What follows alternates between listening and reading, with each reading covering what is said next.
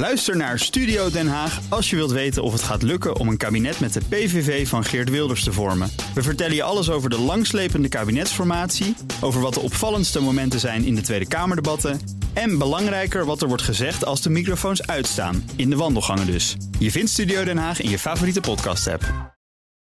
Auto-update. En dan gaan wij naar Nout Broekhoff. Elke vrijdag is hij bij ons. En uh, nu is niet in de studio, maar op afstand. Nout, goedemorgen. Goedemorgen, Bas.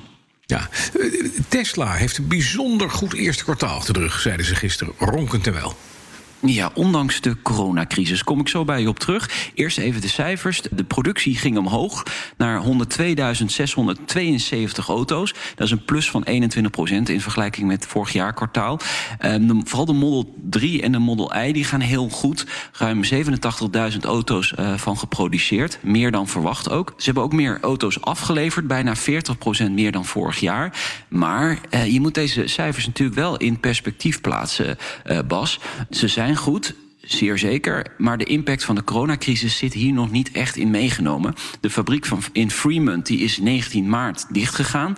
Ook die in New York. Daarna kwam ook nog de aankondiging dat eh, Nevada, waar de batterijen eh, gemaakt worden of geplaatst worden, dicht eh, moest. En dat heel veel mensen naar huis moesten. Dus ja, dat is nog niet echt hierin verwerkt. Dus dat gaat waarschijnlijk pas in het tweede kwartaal doordreunen, zullen zeggen. Precies, dat zit er dik in. Dan heeft Daimler, het moederbedrijf van Mercedes-Benz, aangekondigd dat het niet zo goed gaat. Ze gaan weer 12 miljard lenen. Hè?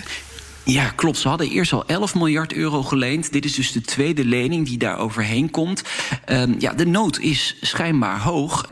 Ook niet weer een hele grote verrassing. Ik denk niet alleen dat hier de coronacrisis meespeelt. Want uh, er waren al langer problemen bij Daimler. In februari kwamen al berichten naar buiten dat ze meer zouden moeten gaan bezuinigen. Dat ze meer banen moesten gaan schappen. Dat het modelgamma moest worden uitgedund. Weet je nog? Daar ja, hebben we het toen nog over zeker. gehad. Uh, Mercedes heeft gewoon zo ongelooflijk veel modellen. Volgens mij zijn het er meer dan 40. Ja, uh, daar moet in gesneden worden. Dus waarschijnlijk komt er een einde aan de S-klasse coupé en de S-klasse cabriolet. Dus dat zal de komende maanden allemaal wel zijn beslag krijgen. Ja, en dan General Motors, wat ooit uh, heel erg slecht ging. Dat gaat nu Honda helpen. Waarmee? Ja, met de productie van uh, elektrische auto's. Het gaat om twee modellen. Welke dat precies zijn, is niet bekendgemaakt. Maar ja, die elektrische Honda's worden dus met uh, batterijtechnologie van GM uit. Uh, gerust. En ze worden gebouwd ook op het elektrische platform van GM. Mm -hmm. uh, het gaat uh, alleen om de basis dus van de auto. De rest gaat Honda gewoon wel zelf doen. Maar op deze manier hopen dus die beide fabrikanten wel ja, kosten te kunnen besparen en Precies. te delen eigenlijk. De ja. synergetische voordelen, ja, dat mag ook wel in deze tijd. Ja, hey, en dan, ja, ik denk dat het juist in deze tijd heel erg goed is om dat te gaan doen. Ja, precies. Dat denk ik ook. McLaren komt dit jaar nog met een hybride sportwagen. Nou, daar zat echt iedereen op te wachten, hè, Nout? Dat we nou ja, zaten, van wanneer komt die? Die hybride sportwagen van McLaren die we allemaal niet kunnen betalen. Nou. En hoe cares? Een sportwagen hybride, ja, oké. Okay. Ja, ja, kijk, ook zij moeten voldoen aan CO2-normen, uh, Bas. Dus ah, zij moeten ook het, hybride. De ja, dat heeft er wel mee te maken. Ja, ja, ja. Um, uh, dit is in ieder geval een verhaal vanochtend van het Britse autocar. Het gaat om een plug-in hybrid. Um, mm -hmm. Het is niet helemaal nieuw voor McLaren. Ze hadden natuurlijk al de P1, maar goed, dat is een hypercar, die kan niemand betalen. Deze wordt wat meer mainstream. Waarschijnlijk ook niet voor, te betalen voor heel veel mensen, maar toch. Nee.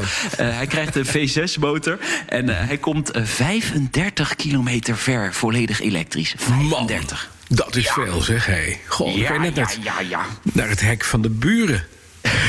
ja, ja, inderdaad. Dat zit er dik in, ja. Vanaf je landgoed. Dan is er nog nieuws over Bernie Ecclestone. Ja, hij wordt voor de vierde keer vader. Och, ja. Wat ja. hij is nu 95? En zijn vriendin oh. is 44. Dus uh, dat, kan, dat kan nog dan natuurlijk. Zo. 45 jaar jonger. Ze is er laat bij. Ja, dat zou je wel kunnen zeggen, inderdaad. dat zij er ook laat bij is. Goed, hè? Ja, ik denk, maak een grapje, Thomas, mag toch wel? Ja, ja.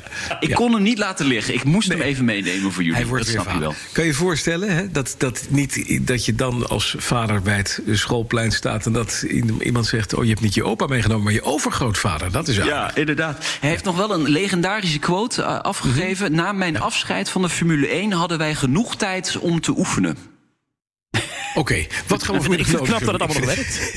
ik vind het een heel vies verhaal. Wat gaan we in de auto doen ja. vanmiddag? Ehm, eh, we hebben onder andere Donkervoort. Kijk, eh, Ja. in de hele Europa ligt de productie stil van auto's. Maar bij Donkervoort, still going strong, worden er met eh, de RIVM-richtlijnen in acht genomen... worden er gewoon nog auto's gebouwd. Dus dat is een heel mooi verhaal vanmiddag bij ons in de Nationale Autoshow. Om drie uur. Dankjewel, Nout Broekhoff. De BNR Auto Update wordt mede mogelijk gemaakt door Lexus. Nu ook 100% elektrisch.